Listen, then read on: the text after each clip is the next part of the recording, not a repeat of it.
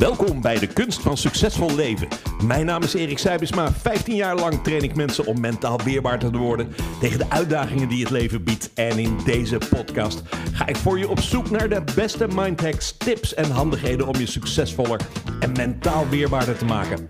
Deze podcast gaat niet over snelle trucs, gaat niet over open deuren of over hoe succesvol ik ben, maar draagt bij aan om je leven mentaal makkelijker te maken en succesvol te blijven. Succesvol als ondernemer, mama, papa, werknemer, werkgever, partner, maar vooral als mens. Welkom bij de kunst van succesvol leven.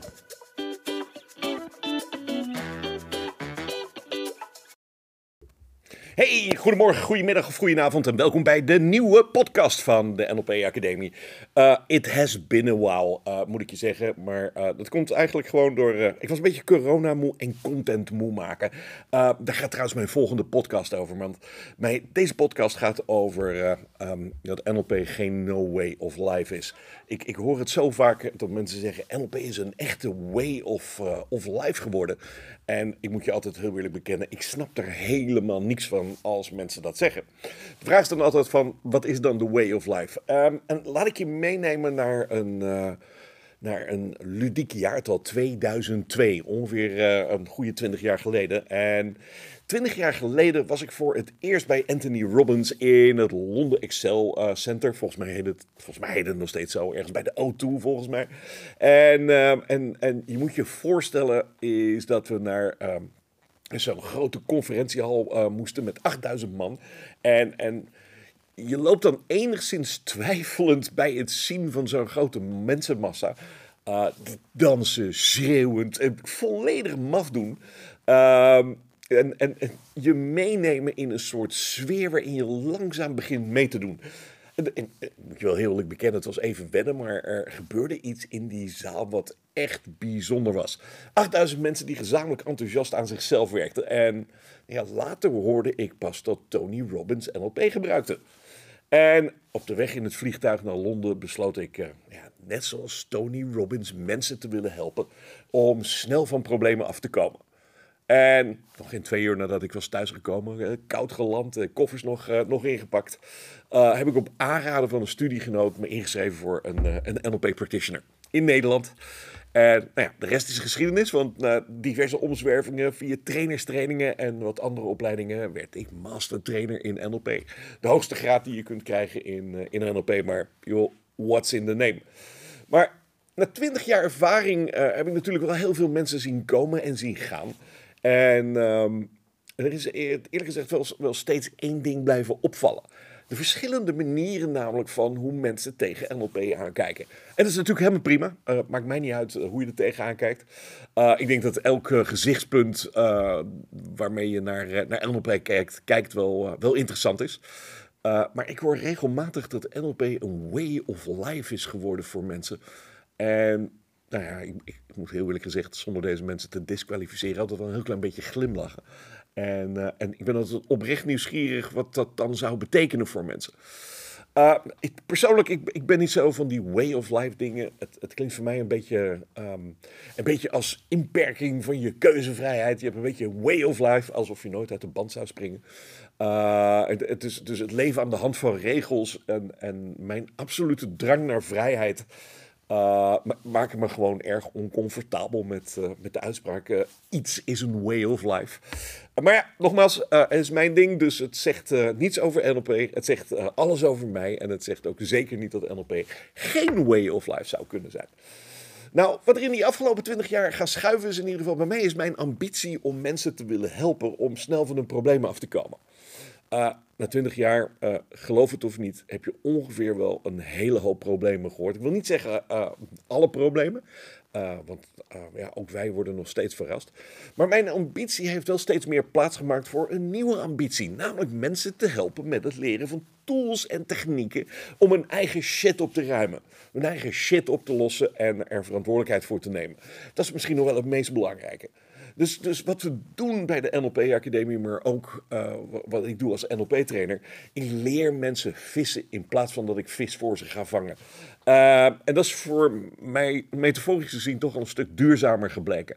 Uh, ik ben dan ook wars van alle mensen die roepen: NLP gaat over liefde en, en dat soort, ja, met alle respect, flauwekul. NLP gaat namelijk nergens over, maar dat leg ik je zelf wel uit. Liefde is natuurlijk hartstikke belangrijk, maar NLP gaat er in ieder geval niet over. Uh, door de jaren heen ben ik persoonlijk NLP steeds meer gaan beschouwen als een slimme methode om je leven een stuk aangenamer te maken. Snel van nare gevoelens af, helderder na kunnen denken, uh, anderen kunnen beïnvloeden en, uh, en een gebruiksaanwijzing hebben voor hoe ik mijn eigen brein steeds meer onder controle krijg. Uh, zodat dat ding in mijn hoofd niet allerlei gekke dingen gaat doen en me in, in, nou ja, in zeven sloten tegelijk laat lopen. Nou, het zijn ook, ook NLP zijn natuurlijk ook gewoon technieken die je eigen kunt maken, zodat je nou, gewoon standaard tot je repertoire behoren. Uh, als je NLP-technieken maar lang genoeg intraint, hey, word je onbewust bekwaam. En doe je het gewoon zonder dat je er erg in hebt. En zonder dat je het überhaupt ook NLP noemt. Uh, Karin de, roept eigenlijk altijd van... Goh, wat we gaan doen is niks nieuws. NLP, dat deed je al. Uh, alleen, ja, je was je er hoogstwaarschijnlijk niet helemaal bewust van... is dat dat NLP was.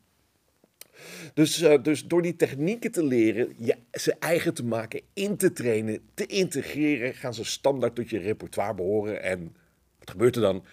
Je verandert je gedrag, je verlegt je koers. En uh, dat betekent dus ook dat je ergens anders uit gaat komen. Dus je leven zal meestal anders gaan worden. Ik wil niet zeggen noodzakelijkerwijs beter, want dat weet je niet. Uh, als je de koers 20 graden verlegt van een boot, uh, zou het nog steeds kunnen zijn is dat die boot op een rots afkoerst. Je hebt geen idee, alleen je hebt een andere koers genomen. Uh, maar anyhow, je kunt wel, als je dan toch tegen die rots aan botst, als dat dan toch onvermijdelijk bleek te zijn, heb je in ieder geval die technieken wel te pakken om te zorgen is dat je weer snel van die rots af kunt varen en weer door kunt. maar ik, ik, moet je ook wel heel eerlijk bekennen dat dat, dat in die 20 jaar uh, en na die 20 jaar ook wel steeds meer een, uh, een kant is die ik steeds meer verafschuw. En dat is de kant van het moreel. Uh, de, kant waar mensen bij elk mogelijk meningsverschil roepen: perceptie is projectie. De kaart is niet het gebied. NLP zorgt voor een betere wereld. Als je NLP hebt gedaan, kun je geen ruzie hebben. Uh, met NLP is diefstal prima. Uh, voornamelijk als uh, mensen je hele website kopiëren en gewoon NLP mensen roepen. Dat is hartstikke goed, dat is hartstikke oké. Okay. Uh, joh, maakt het uit. Ehm, ja, we hadden allemaal een positieve intentie. Alsof je als NLP een soort Boeddha bent geworden die niet gewoon lekker als mens fouten kan maken. Of af en toe gewoon even lekker grof in de bek kan zijn. Of, of gewoon ordinair met, met mensen ruzie kan maken. Alsof je voor de rest van je leven een lichtend voorbeeld bent van pacifisme. Een soort Greenpeacer bent uh, die niets anders kan dan uh, superlatieven te roepen van... Nee, we moeten liefdevol met elkaar omgaan, want dat is NLP. Of des NLP's. Het is natuurlijk gewoon flauwekul.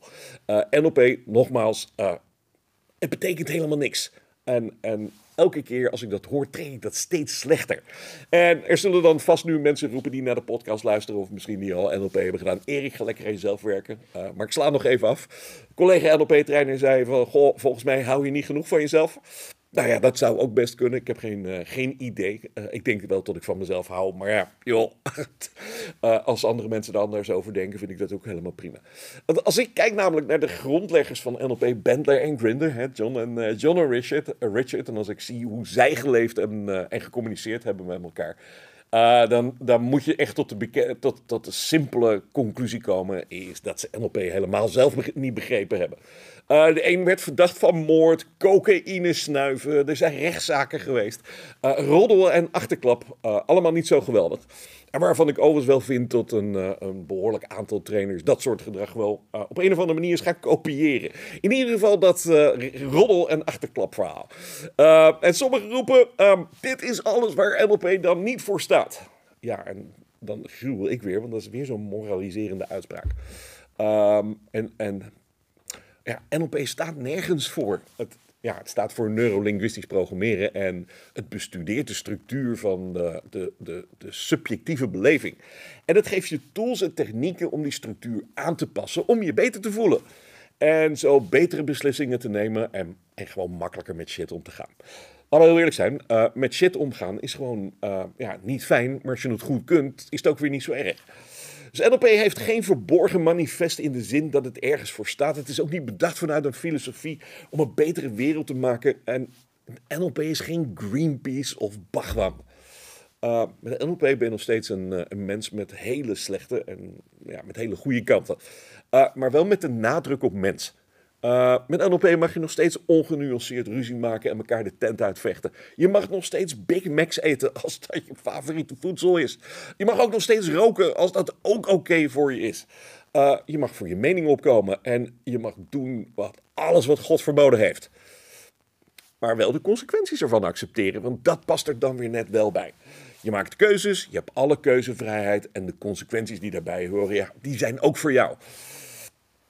Um, wat NLP dan wel doet, is, is je tools en trucs geven die je leven een, uh, een stuk aangenamer kunnen maken en je makkelijker door je leven kunnen laten navigeren. Nou, NLP helpt om overtuigingen die je niet meer, uh, niet meer dienen gewoon te veranderen, minder emotioneel te worden en vaker goede gevoelens te hebben.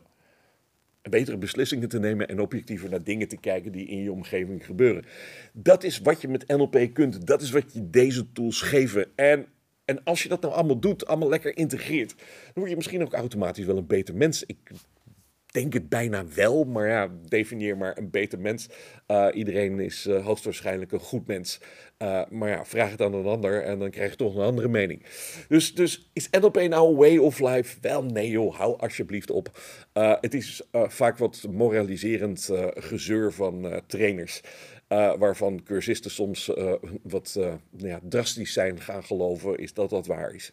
Ik denk dat de juiste NLP'er, de beste NLP'er of een goede NLP'er gaat voor één ding. En dat is keuzevrijheid. Niet meer door dat brein gedicteerd worden wat je moet doen. Niet meer in de stress schieten als het niet hoeft. En niet meer die geprogrammeerde idiote dingen doen die je als die we als mens zouden kunnen doen. Maar is dat je bewust gaat worden van de keuzes die je kunt maken en dan de keuze maakt die voor jou het beste is. Uh, nogmaals, ons brein is maar uh, voor één ding uh, in, nou, is maar voor één ding gemaakt. Om je aan te laten nadenken. dat zou het rationele gedeelte van ons brein zeggen, maar het is niet helemaal waar. Ons brein is maar voor één ding geweldig goed. En dat is om jezelf in stand te houden, jezelf in leven te houden. En zoveel mogelijk op de automatische piloot te zetten. Want blijft er namelijk meer tijd voor uh, scannen van je omgeving af. Uh, zodat er geen gevaar is. Het is heel, echt, je brein is heel simpel. Um, dus uh, NLP een way of life? Nope. en ik denk, dat het, ik denk dat je liever je eigen way of life zou kunnen bepalen. En dat je NLP daar gebruikt als een soort hulpmiddel om je eigen way of life te creëren. En joh, heel eerlijk, als dat bijdraagt aan een betere wereld, dan vind ik het helemaal goed. Nou, dit is een soort rant uh, over de uh, uh, way of life en de not way of life van NLP. nogmaals, het blijft natuurlijk mijn subjectieve mening en dat, dat is mijn goed recht. En zoals Bentler en Grinder in hun eerste boek zeiden, The Structure of Magic, geloof geen bal van wat we zeggen. En ik denk dat we het uh, daar ook bij zouden moeten houden. Ik hoor je graag bij een volgende podcast. Die gaat over, uh, over content maken, moeheid. Maar eigenlijk hoe uh, je als, als mens uit de coronacrisis komt. volledig met een burn-out en geen zin meer hebben in datgene wat je doet. En hoe je daar weer uitkomt. see you soon. Speak to you soon. Adios.